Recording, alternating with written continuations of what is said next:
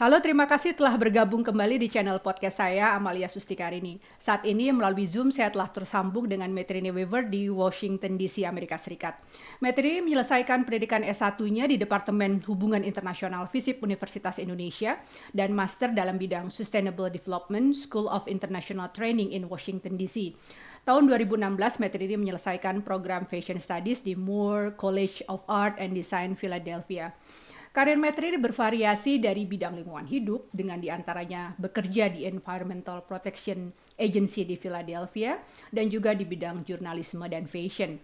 Saat ini Metrini bertugas di VOA sebagai International Multimedia Journalist dan Broadcaster dan menjalankan bisnisnya dengan label Batax sebuah kreatif social venture yang menggabungkan seni dan tekstil Indonesia dengan desain dan gaya hidup Amerika dalam bentuk fashion, aksesori, dan dekorasi rumah. Saya akan berbincang-bincang dengan Metri ini seputar pemilu Amerika Serikat di awal bulan November ini, termasuk apa sebetulnya konsep electoral college, pengaruh media, dan voter behavior. Simak perbincangan saya dengan Metri ini berikut ini.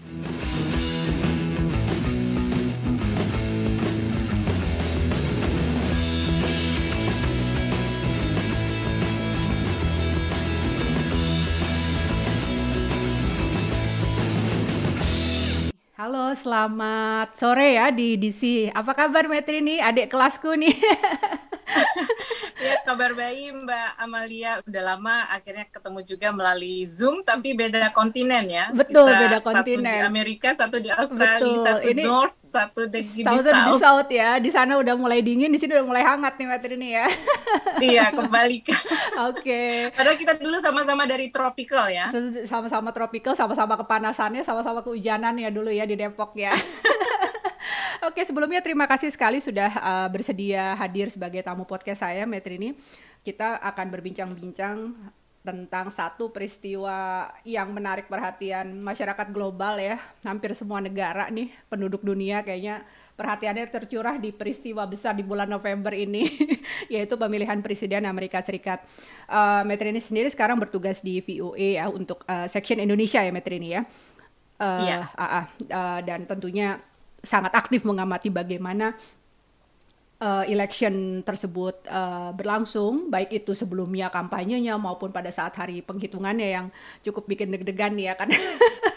Karena hasilnya yang apa namanya uh, luar biasa ketat waktu itu dan juga mungkin uh, banyak di antara kita masih teringat bagaimana peristiwa empat, empat tahun yang lalu saat Hillary Clinton memenangkan popular vote tapi kemudian kalah kan karena tidak berhasil memenangkan uh, electoral vote.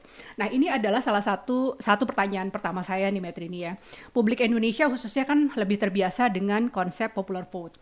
Jadi pada saat kita ngelihat nih hasilnya berapa ratus ribu gitu ya berapa itu kita udah langsung mikirnya oh oh nih Biden yang menang gitu kan atau dulu Hillary ini yang menang.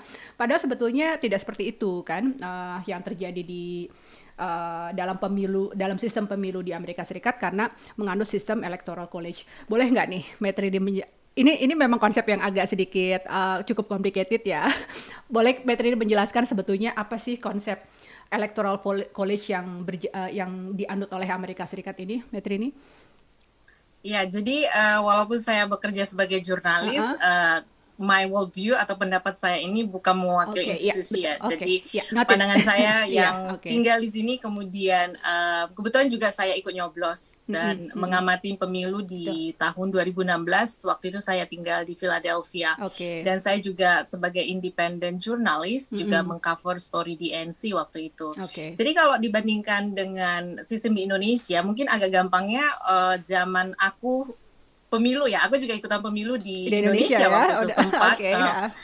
Jadi dulu itu kan masih ada yang namanya uh, eh, MPR ya. Yeah. Jadi kalau di sini electoral college itu bayangkan Indonesia itu ada provinsi, di sini namanya state. state okay. Jadi setiap state itu mempunyai uh, jumlah penduduk, jumlah penduduk itu kemudian dibagi berdasarkan distriknya, distrik okay. untuk pemilihan kayak okay. daerah dapil ya, daerah pilihan. Okay. Nah di setiap state itu berbeda-beda uh, jumlah uh, elektoralnya, artinya mm -hmm. yang mewakili nanti ketika siapa pun nanti yang mendapatkan suara itu mereka yang akan vote walaupun secara formalitas.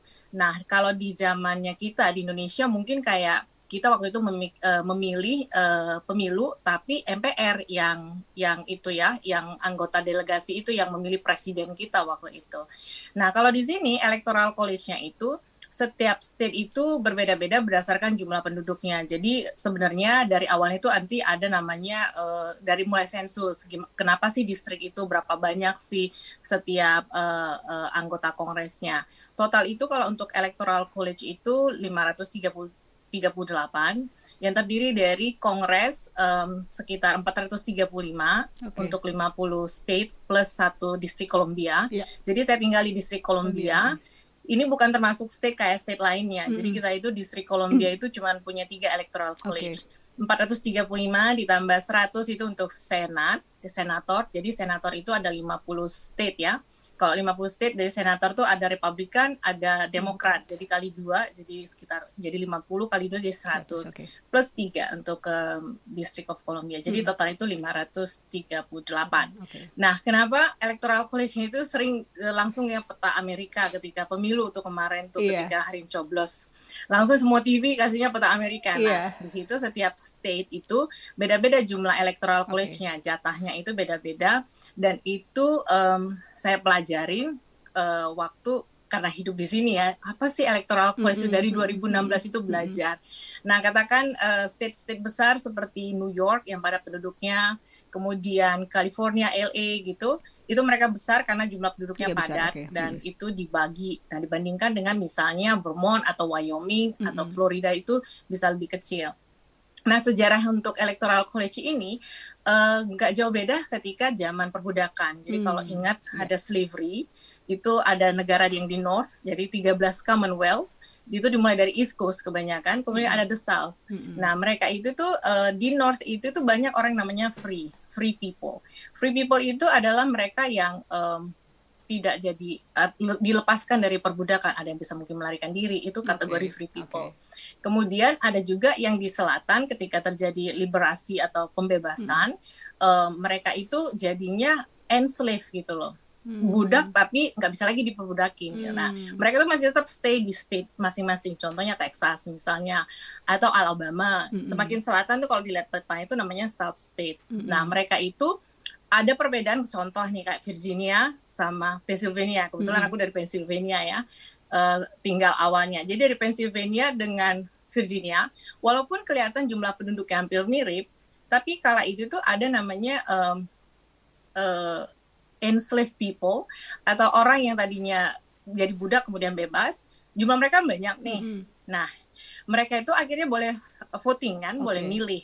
Tapi jumlah hitungan mereka itu mereka itu nggak bisa one foot one man, oh, jadi itu okay. hitung tiga per lima gitu. Tiga per lima, jadi, jadi tiga per lima, jadi satu orang itu, itu di satu, satu uh, uh, tidak dihitung satu, uh -uh. tapi tiga per lima ya. Okay, itu okay. strategi mereka itu okay. supaya uh, walaupun uh, mereka bebas okay. ya, tapi kemudian nggak bisa menjadi apa ya dominan power kali ya, okay. karena kan jumlahnya berbeda. Mm -hmm. Jadi itu membedakan antara jumlah di Virginia sama di Pennsylvania, mm. karena kebetulan Pennsylvania dari utara itu kurang begitu menganut uh, slavery itu. Betul. Jadi jumlah penduduknya itu uh, berpengaruh hmm. terhadap itu. Jadi makanya kalau Virginia itu lebih sedi uh, lebih banyak sedikit ya dibandingkan Pennsylvania, itu menentukan ketika voting itu dikumpulin. Jadi hmm. kemarin itu kan waktu di TV nih semua broadcast kan peta Amerika iya, berapa yeah, nih. Yeah. Nah, katakanlah uh, yang awalnya kan keluar tuh misalnya 49 uh -uh. banding 51 ya. Nah, yang menang kan 51 nih. Nah, katakan Pennsylvania itu 20 elektoral okay, gitu. Yeah. Nah, 20 elektoral itu yang menang itu diambil semua. Jadi nggak dibagi all, ya? gitu. Okay. Jadi namanya winner takes all mm -hmm. gitu. Tapi ada dua state kayak misalnya um, Nebraska okay. sama Maine ya kalau nggak salah, mm -hmm. itu mereka tetap uh, proportionate okay. gitu. Jadi nggak winner take all gitu. Oke, okay, oke. Okay. Oke, terima kasih. Kira-kira gitu. Jadi, okay. jadi nanti uh, satu lagi setelah kita tahu fondasinya itu tuh mm -hmm. di setiap state itu dikumpulin tuh. Mm -hmm. Nah, pemenangnya adalah bagi mereka yang kandidat itu berhasil mengumpulkan 270 70, ya. gitu. Okay. Jadi bagi bagi kandidat yang mendapat 270 di total itu semua, mm -hmm. jadi dialah sebagai projection menangnya. Kira-kira gitu. Oke. Okay. Nah, ini kan uh, sepertinya sudah mulai cukup banyak yang mengkritik gitu ya sistem electoral college ini karena kan agak uh, entahlah ya beberapa orang mem, uh, berkata bahwa ini a bit undemocratic gitu karena itu tadi kan against popular vote gitu. Jadi orang uh, kandidat yang sebetulnya memenangkan popular vote tidak berarti kemudian dia bisa uh, menang menjadi presiden Amerika Serikat. Di dalam Amer uh, apa dinamika internal US sendiri ada nggak sih Metri ini suara-suara yang ingin untuk mm, apa namanya mengganti sistem electoral college ini dengan popular vote atau mungkin ada metode lain gitu yang bisa menggabungkan keduanya seperti tadi ya ada dua negara bagian yang kemudian memilih untuk melakukan penghitungan secara berbeda. Ya, jadi kalau electoral college itu mm-hmm. yang menentukan adalah state masing-masing. Yeah, Kayak okay. misalnya kalau di Indonesia provinsi masing-masing mm-hmm. itu kekuatan itu itu misalnya teritorial mereka. Yeah, jadi okay. kayak misalnya gubernur gitu, mm-hmm. kemudian sekretaris uh, state-nya masuknya okay, okay. itu yang bagian kalau mm-hmm. di Indonesia itu mungkin departemen dalam negerinya mm-hmm. gitu ya. Mm-hmm. Jadi itu yang mengapain data gitu. Nah, kalau di sini itu tuh um, ada kasus itu yang mungkin yang paling deket tuh tahun 2000 sama 2016 iya, kemarin. 2000 Al Gore um, ya. Iya, ah, jadi okay. uh, eh, dengan George Bush uh, mereka itu ketika di kontes uh -uh. uh, uh, one vote one man itu popular vote-nya lebih banyak, mm -hmm. marginnya cukup gede gitu. Tapi karena mereka nggak bisa menggening tadi yang electoral college itu kayak ngumpulin yeah, yeah, gitu, yeah. Akhirnya nggak bisa jadi presiden. Mm -hmm. Nah zaman itu tuh uh, mereka itu bawaannya adalah ya udahlah ngalah aja gitu loh. Hmm. Nah kalau yang sekarang ini kan benar-benar uh, harus punya strategi Betul. gitu loh. Jadi nggak hanya cuma bisa, oh ya kan banyak juga nih akan vote, tapi kalau dia nggak strategis ngitung apa tadi itu uh, ngumpulin-ngumpulin poin-poinnya ya. Hmm. Kalau belanja tuh ada poinnya gitu, ya sama aja nggak kepilih. Okay. Nah sebenarnya sudah banyak yang yang mem, apa nggak pengen ini dengan electoral college ini karena tidak merefleksikan, tidak merefleksikan keinginan masyarakat mm -hmm. di Amerika sendiri mm -hmm. gitu loh. Jadi um, jadi kayak kalian dunia tuh bilang kan meng, kayaknya membingung gitu loh. Mm -hmm. Ini masyarakat Amerika ini koknya kok kalau bahasa gaulnya kok oneng ya gitu ya. kok kok kok nggak bisa membedakan ya tapi namanya sistemnya sistemnya udah begitu dari yeah, 1800. Yeah. Nah, itu pernah dua kali itu terjadi perdebatan sekitar 1.800 itu pernah dipertanyakan uh, ini kayaknya kita abolish aja gini karena kan itu uh, terkait dengan zaman perbudakan dulunya yeah, kan betul, karena betul untuk yang memilih ya. itu tuh hanya bisa yang kulit putih mm -hmm. ketika budak ini pada dilepasin karena ada civil war itu akhirnya uh, dipersulit tuh mulai dari uh, kayak tadi yang hitungan tiga per lima mm-hmm. gitu. Mm-hmm. Kemudian yang food itu harus menunjukkan kalau dia itu bisa ngebaca, mm-hmm. ya kan? Kebanyakan yang African American tuh okay, harus bisa menunjukkan yeah, dia mereka okay. baca. Okay. Nah, setelah di 1800 itu nggak berhasil. Kemudian di, dicoba lagi di tahun 1900-an. Nah, itu di Senat. Kongres itu udah pass the bill. Jadi Kongres sendiri itu kan ada dua chamber nih, Kongres sama Senat. Yeah. Kongres itu udah pass pass the bill-nya. Hmm. Jadi mereka udah udah oke. Okay. Tinggal kalau dari dari Kongres kan harus masuk ke Senat. Senat, Senat itu hmm. diblok sama uh, senator dari South States karena mereka bilang kalau uh, kalau South, uh, kalau sistem electoral college ini di, dimusnahkan tidak nggak ada kemungkinan bakalan nggak ada kemungkinan dari Republikan itu akan menjadi atau dari Southerner itu menjadi presiden oh, gitu. Oke okay, oke. Okay. Jadi di sini mm -hmm. ego uh, states terutama yang di bagian South karena itu mereka itu kebetulan salah satu yang mungkin mempropose uh, isi ini ya berdasarkan juga sejarah perbudakan tadi ya Metrini ya. Jadi kelihatan Iya, jadi ada interest-interest ya, itu. Betul. Jadi kalau mandang Amerika itu dilihat dari iya, histori 300 gitu, 400 betul. tahun sebelumnya. Betul. Dan sistemnya juga yang federal ya di mana uh, peran negara bagian itu kan juga kuat ya, berbeda dengan misalnya Ya, di jadi ada namanya state rights. Uh -huh. Jadi kayak contoh nih untuk COVID. Nah, mm -hmm. kemarin kan uh, mau pengadaan kayak swab test saja okay. kan harusnya dari federal mm -hmm. karena semua kan bayar pajak dan dikumpulin polnya kan gitu. Nah, si sebenarnya kalau untuk secara nasional kalau ada guidance berarti semua state mendapat budget mm. fasilitas yang sama mm -hmm. gitu loh. Tapi kemudian karena kemarin itu emang emang di apa kayak nggak jelas ya di apa didiamin atau digimanain gitu. Akhirnya setiap negara bagian gubernur-gubernurnya pada heboh sendiri. Gimana hmm, nih? Gitu okay, loh. okay, jadi okay. mereka juga harus melihat um, apa sih namanya budget kemudian uh, wilayah teritorial. Makanya ada tutup perbatasan itu kan tergantung dari state-nya. Hmm, gitu oke oke oke. Ya terima kasih Metri. Ini penjelasannya mudah-mudahan ini uh, pasti sangat bermanfaat buat teman-teman Indonesia nih yang masih agak suka bingung gitu ya tentang uh, perbedaan antara electoral uh, college dan popular vote gitu. Nah, kemudian gini, Metri ini uh, salah satu juga yang uh, kemarin sepertinya cukup ramai dianalisa adalah tentang uh, voter behavior ya, terutama di kalangan imigran. Nah, di sini mungkin secara spesifik imigran Latin misalnya. Trump itu kan terlihat uh, sering sekali mengemukakan apa jargon-jargon anti imigran gitu ya, ya apalagi misalnya dengan pembangunan tembok di Meksiko dan lain-lain. Tapi uh, ternyata hasil pemilu memperlihatkan bahwa di negara bagian dengan kantong-kantong penduduk Latin yang tinggi, Trump justru menang. Nah, salah satunya Florida kan waktu itu ya. Uh, padahal sebetulnya saat itu kelihatan yang di akhir-akhir kan uh, Biden bahkan dibantu Obama ya itu sampai kelihatan sangat fokus di situ gitu loh di di, di Florida. Tapi ternyata kok tetap uh, Trump tetap bisa meraih suara yang signifikan di sini gitu. Jadi kelihatannya tidak ada korelasi langsung antara retorik anti imigran yang dibawakan oleh Trump dengan kemudian hasil pemilu. Gimana nih Metri nih uh, melihat fenomena ini? Kalau bicara tentang uh, uh, voters untuk uh, uh. Latino uh, uh. gitu sekali lagi aku bukan ekspor untuk ya, Latino okay, ya, tapi ya. dari pengamatan aja kali ya. ya okay. saya uh tahu persis gitu ya.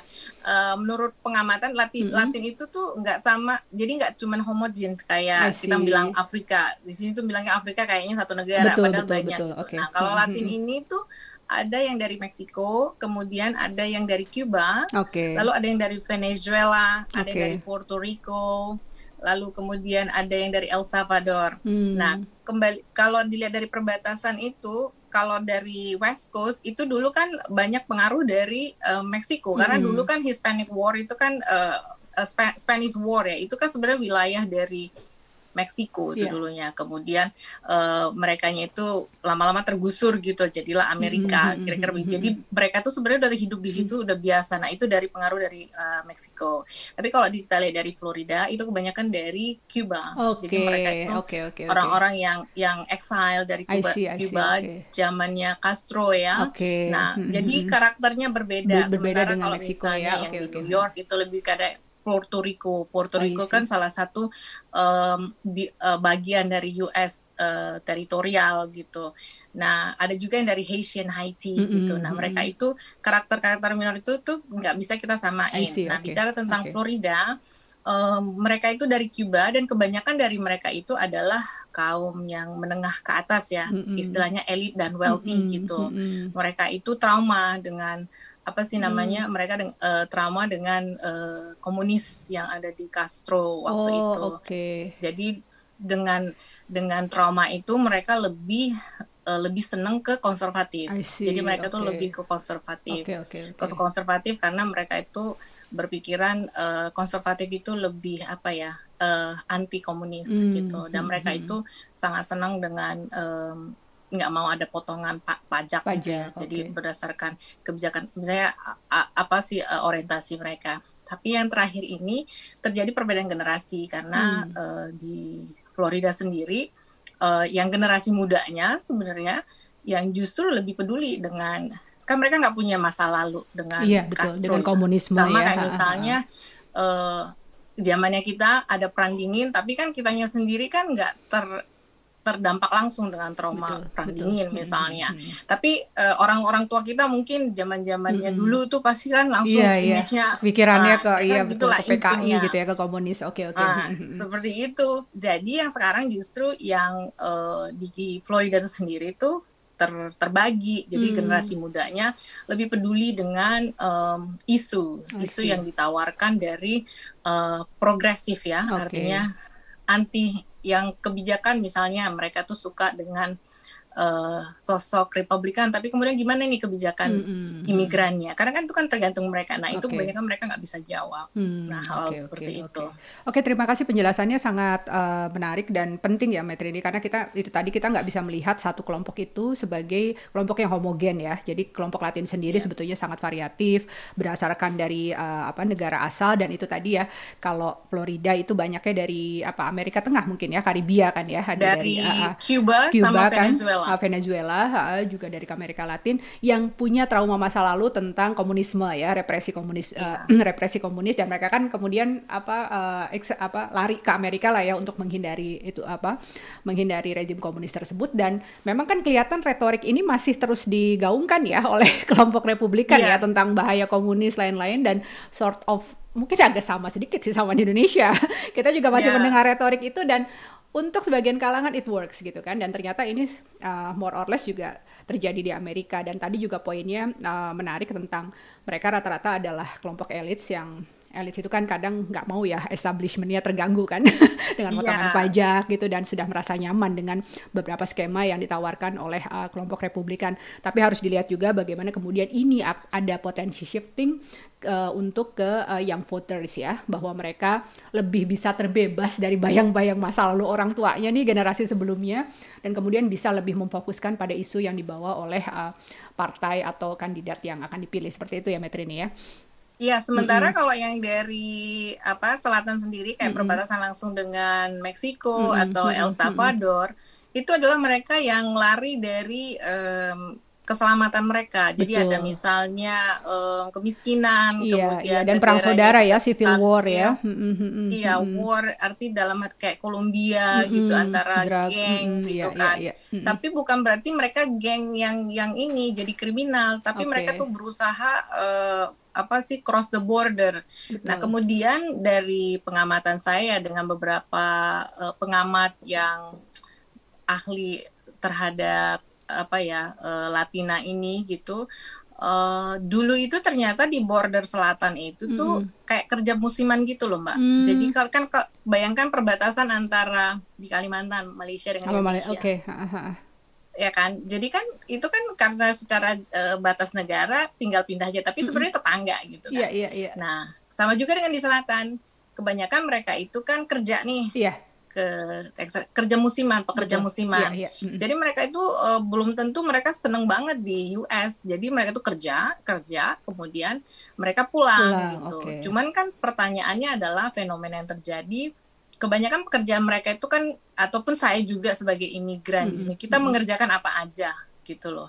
Jadi sama kayak di Indonesia yang dari desa datang ke Jakarta kan, mm -hmm. pasti kerjanya apa aja ya kan, mm -hmm. mau tukang bakso ke atau banyak kan sekarang yang di YouTube YouTube itu mau apa memberikan apa ulas kasih kepada tukang iya, bakso yeah, yeah, yeah. Mm -hmm. atau kan nasi goreng kayak begitu. Sama halnya gitu, di sini tuh banyak pekerja-pekerja yang bekerja mengerjakan apa aja yang bisa dikerjain yang which is adalah yang membutuhkan tenaga fisik gitu loh.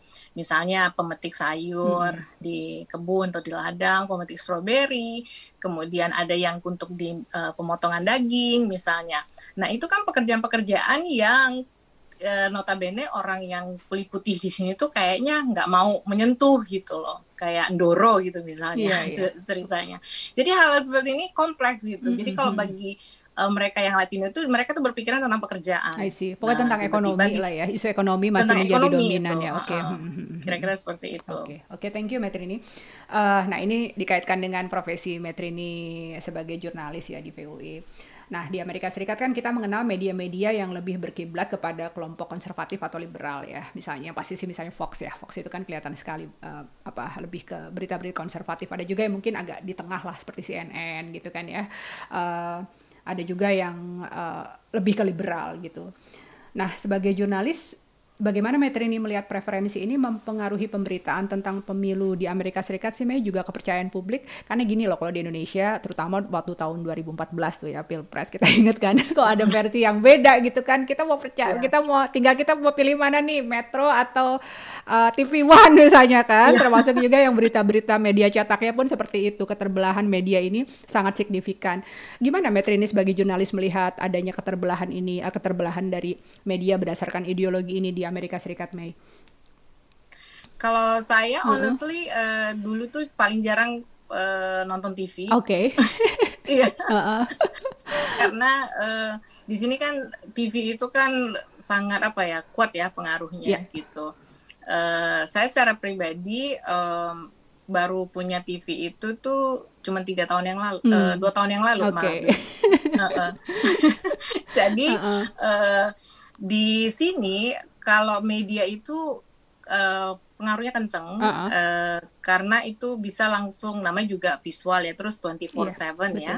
Jadi semuanya kejar tayang tuh. Mm -hmm. Jadi apa pun mm -hmm. itu uh, terus di apa yeah. sih namanya di diputer gitu. kemudian mm-hmm. ya apa sih kayak kita bilang tuh spinning ya mbak ya yeah. jadi uh, uh. spinning gimana sih yang tadinya cuma satu yang baru oh breaking news tapi kemudian nanti breaking terus news lagi gitu kan, gitu kan? Yeah, uh, yeah. terus kayak gitu jadi kan kita kan uh, secara nggak langsung kan di alam bawah sadar kita itu kan kayak ada mencipt, apa ketergantungan ya jadi kalau saya uh, selain TV itu ada juga um, media cetak ya. Saya masih tetap baca buku dan mungkin karena belajar dulu di HI ya Mbak ya, mm-hmm. jadi uh, punya landasan. Nah mungkin kalau bagi mereka yang tiba-tiba aktif nih banyak nih orang-orang Indonesia di sini nih ya, yang dulunya nggak kuliah politik ya tiba-tiba dia uh, eh, DM saya gitu kan, langsung kemudian uh, memberitahu saya langsung to the point apa sih uh, tentang politik itu. Padahal saya sendiri saya sendiri aja yang belajar politik, kita sendiri yang tahu tentang uh, ini belum tentu bisa menjudge Betul. gitu. Jadi mm-hmm. membedakan itu uh, kembali lagi ke diri kita. Tadi kemudian TV di sini tuh mempunyai kepentingan kan, yeah, sama betul. aja kan kayak yeah, sama di Indonesia aja. ataupun mm-hmm. di Eropa. Mm-hmm. Uh, semua itu tergantung satu ownernya. Apalagi betul. sekarang banyak film-film skandal itu kan tentang TV kemarin. Iya betul seperti nah, apa bombshell itu ya yang terakhir nah, itu. itu kan juga menguak gitu betul. kan. Ada anchornya juga misalkan seperti itu. Nah kalau coraknya kayak misalnya Fox dia itu menjadi lebih kepada konservatif gitu. Kemudian CNN yang lebih lucu itu dia suka spinning. Jadi, yeah, suka, jadi spinning, suka ya. itu kelihatannya itu kan uh, ada alat peraganya kan. Uh -huh. Kemudian bayangkan ada di mana. Sementara MSNBC lebih uh, kepada itu ya lebih kepada dia progresif tapi kadang-kadang uh, lucu juga sih dianya itu terlalu apa uh, saklek di satu sisi okay. gitu. Jadi dia punya mission tuh ketahuan. Oh, Terus ada lagi show-show gitu. Uh, Jadi tergantung hostnya gitu okay, kan. Yeah. Mereka punya message. Lalu sekarang fenomenanya adalah uh, online. Jadi mm -hmm. semuanya itu uh, against mainstream media. Mm -hmm. Jadi kalau misalnya langsung di TV itu itu tuh oh ada ketahuan agendanya apa. Jadi orang-orang sekarang tuh beralih kepada misalnya channel YouTube atau podcast itu okay. membuat uh, lebih segmented lagi. Oke, gitu. oke, oke, oke, oke. Nah, uh, juga dikaitkan dengan maraknya fake news ya di media. Itu kayaknya kan fenomena di seluruh dunia mungkin ya, Metri dia, termasuk di Indonesia. Yeah. Itu uh, gimana? Kalau saya perhatikan sih biasanya memang ada selalu ada section fact check ya di situ ya. Apa ini kemudian juga apa namanya? Uh, sudah cu sudah cukup ada regulasi-regulasi atau yang dilakukan sendiri oleh medianya masing-masing untuk bagaimana untuk menangkal fake news dan hoax ini, Mei?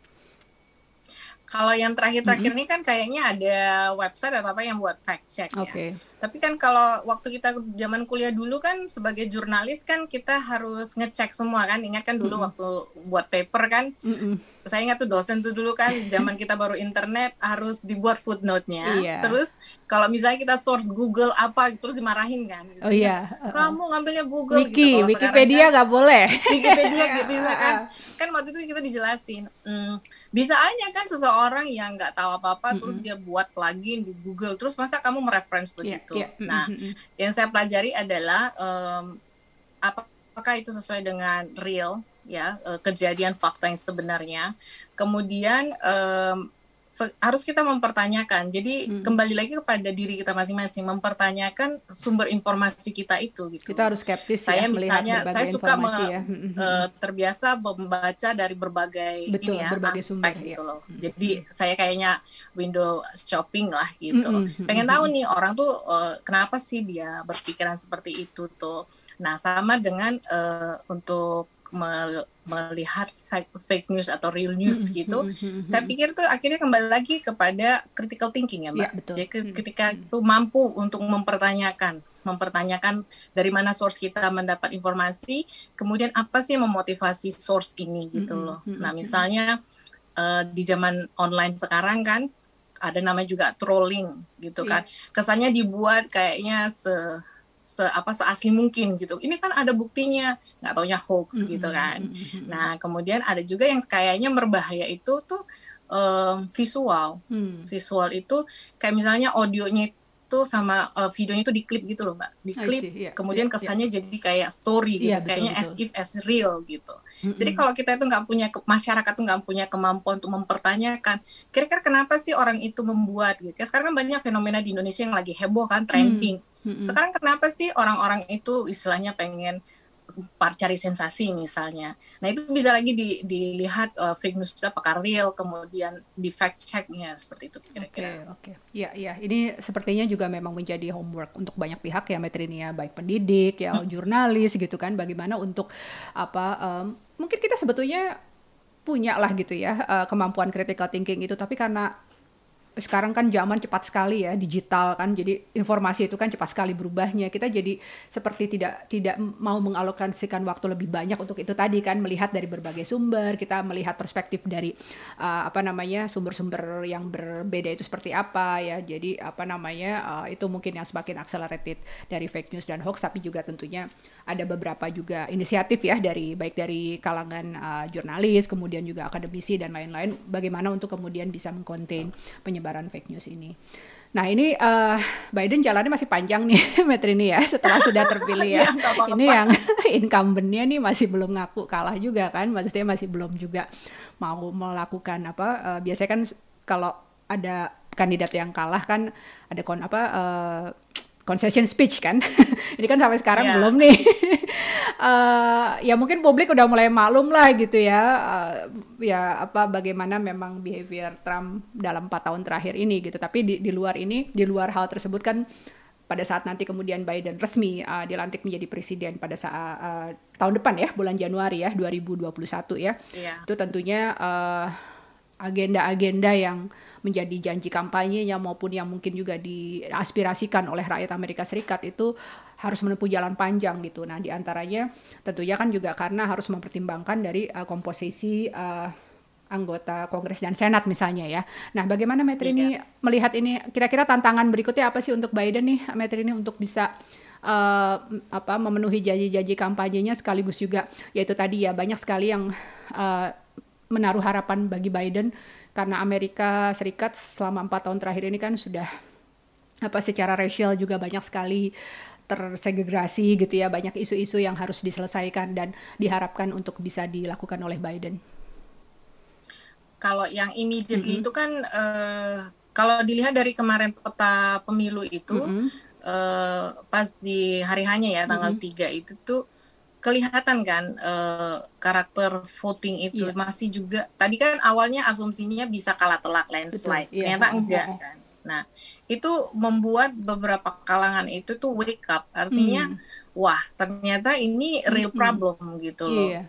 terutama masih banyak juga yang milih gitu ya hmm, satu betul, betul, jadi betul. Uh, jadi secara nation gitu ya uh, ada juga yang berkeyakinan gitu loh untuk untuk apa mempunyai menjatuhkan pilihannya. Hmm, nah, hmm. itu menjadi PR besar sebenarnya. Sama seperti yang uh, Biden bilang kalau give me a chance gitu. Hmm. Jadi dia berusaha untuk uh, bisa mewakili juga apa sih yang bisa bisa kita kerjasama karena bahaya yang pertama itu kan musuh bersama itu kan COVID ya. Iya, oke okay, kan betul. Musuh bersama global loh, jadi nggak nggak. Jadi masalah COVID aja nggak sama nih. Ada yeah. yang bilang COVID-nya aja nggak real gitu uh, kok. Jadi kayaknya buat-buatan. Nah, sama aja kok di Indonesia juga. nah, problemnya serupa itu, ya. Uh, uh, sementara kan kalau kasus COVID ini kan nggak uh, sama dengan kayak penyakit lain, misalnya Ebola gitu. Karena COVID ini kan cepat, kemudian uh, contagious gitu. Yeah. Dan dia itu uh, me menyebar dan itu melalui uh, airing gitu loh, born. Jadi uh, musuh bersamanya aja udah di depan mata nih. Jadi keba kebayang dong kayak nonton film Alien ya kalau seandainya bumi itu ada alien nih, hmm. alien ini di depan mata nih. Kita tuh secara global tuh secara nation itu nggak sama hmm. persepsinya terhadap musuh hmm. bersama itu. Jadi ingat waktu kuliah HI ini kan, hmm. konsep musuh bersama. Yeah. Jadi aku ini antara menyaksikan real dan kadang-kadang nggak percaya juga sih. Yeah. Jadi PR-nya Biden dan siapa pun itu mau di state level itu tuh gimana ini uh, tentang COVID ini karena COVID-nya nggak diselesaikan, maju kena mundur kena hmm. gitu loh. Jadi hmm. misalnya kalau ada state yang nggak percaya, tapi kan mereka potensial menjadi agent ya, agent Betul. untuk menyebarkan juga, ya sama aja kan mau di, di apa namanya ditutup, kemudian di contain gitu, yang sana tetang negara apa negara uh, apa negara bagian tetangga itu nggak melakukan PR-nya, nggak melakukan responsibility-nya, ya back and forward gitu loh. Nah itu COVID yang nomor satu. Terus yang kedua secara politis nih gitu. Secara politis di Kongres sama di Senat. Nah kalau di katakanlah uh, banyak orang berasumsi semua sumber kekuasaan itu power itu konsentrasinya itu di kepresiden. Nah kalau di sini itu uh, di Kongres sama di iya, Senat ya, itu tuh menjadi battleground gitu karena mereka mem mempresentasikan merepresentasikan 51 state itu gitu loh. Nah di situ tuh mereka itu tuh uh, menjadi battleground. Nah sekarang itu fenomenanya walaupun di voting itu tuh presidennya kesannya nih Biden itu tuh populer tapi di dalam voting itu tuh ada beberapa state itu memilih kongresnya sama senatnya. Iya, nah itu tuh per dua tahun. Mm-hmm. Nah sekarang itu yang terjadi adalah um, di kongres sendiri uh, margin perbedaan antara Demokrat sama Republikan itu tuh udah makin kecil. Mm. Kalau tahun lalu kan besar tuh, mm-hmm. jadi kelihatan majoritinya kan. Mm-hmm. Karena itu kan nanti semua akan vote di floor untuk mm-hmm. bill, mm-hmm. Ma, uh, budget ke mana yeah. kebijakan nanti nantinya. Nah dari Kongres menuju ke Senat. Nah di Senat itu menjadi ketok palu hmm. karena kemarin itu kan yang untuk Supreme Court ya menjadi yeah. menjadi gede isunya betul, betul. Hmm. karena itu akan me, mempengaruhi um, kebijakan misalnya Healthcare, tentang ya? kesehatan mm -mm. peran perempuan kemudian okay. voting rights hal-hal okay. seperti itu.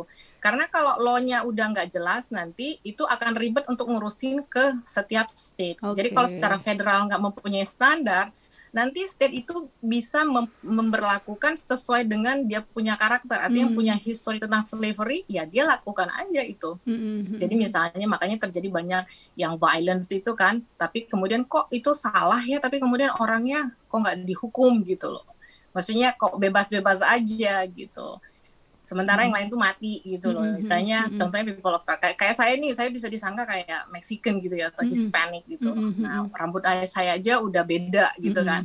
Kulit saya udah beda. Kemudian ketika saya ngomong tuh ketahuan aksennya hmm. gitu kan. Langsung lah saya langsung ini kan kalau udah traveling ke sana.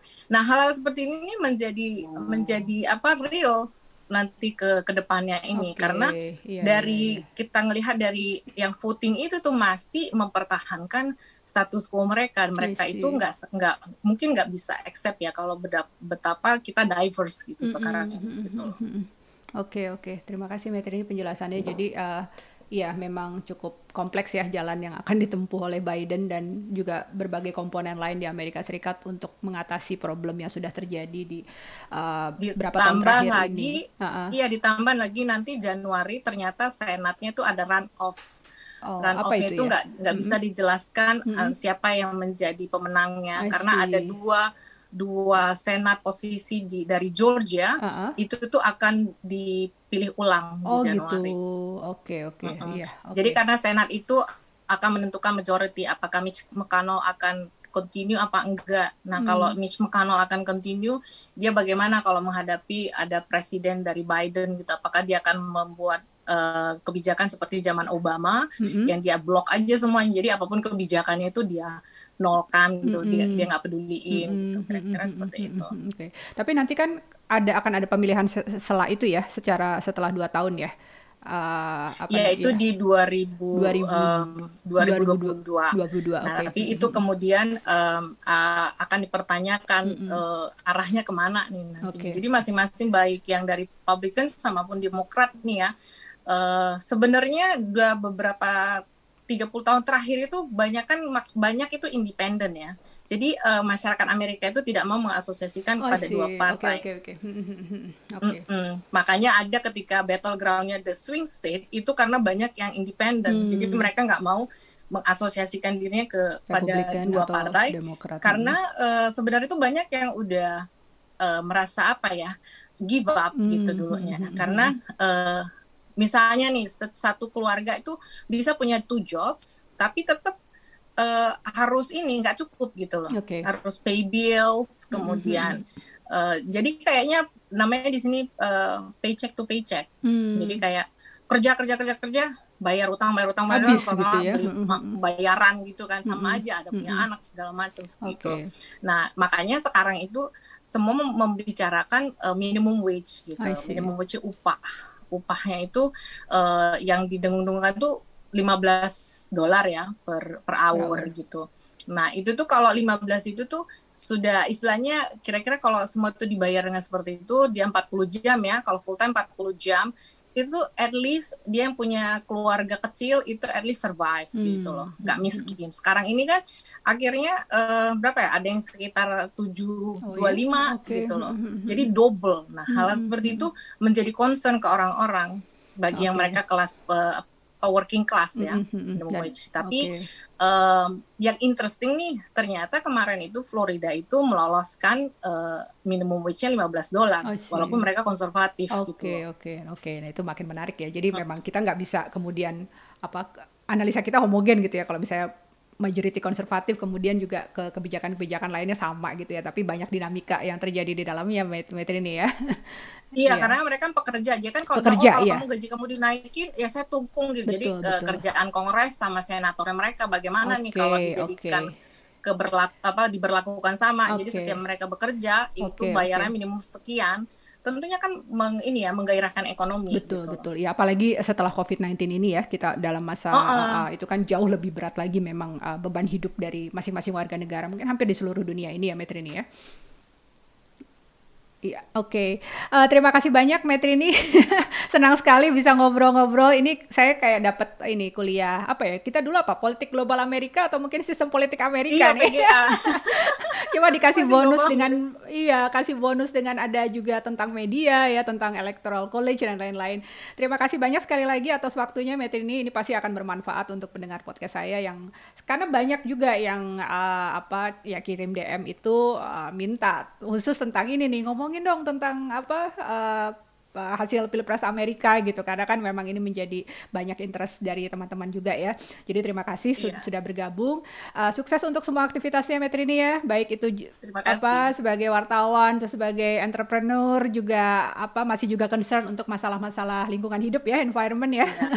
uh, tetap yeah. sehat ya selalu sehat tetap semangat. Terima kasih Metrini. Selamat malam. Selamat malam. Thank you yeah. ya. Bye Demikian tadi perbincangan saya dengan Metrini Giopani Weaver seputar pemilu Amerika Serikat termasuk aspek media dan voter behavior. Simak terus channel ini dan subscribe untuk mendapatkan update episode baru dan menarik lainnya. Terima kasih, salam sehat, tetap semangat.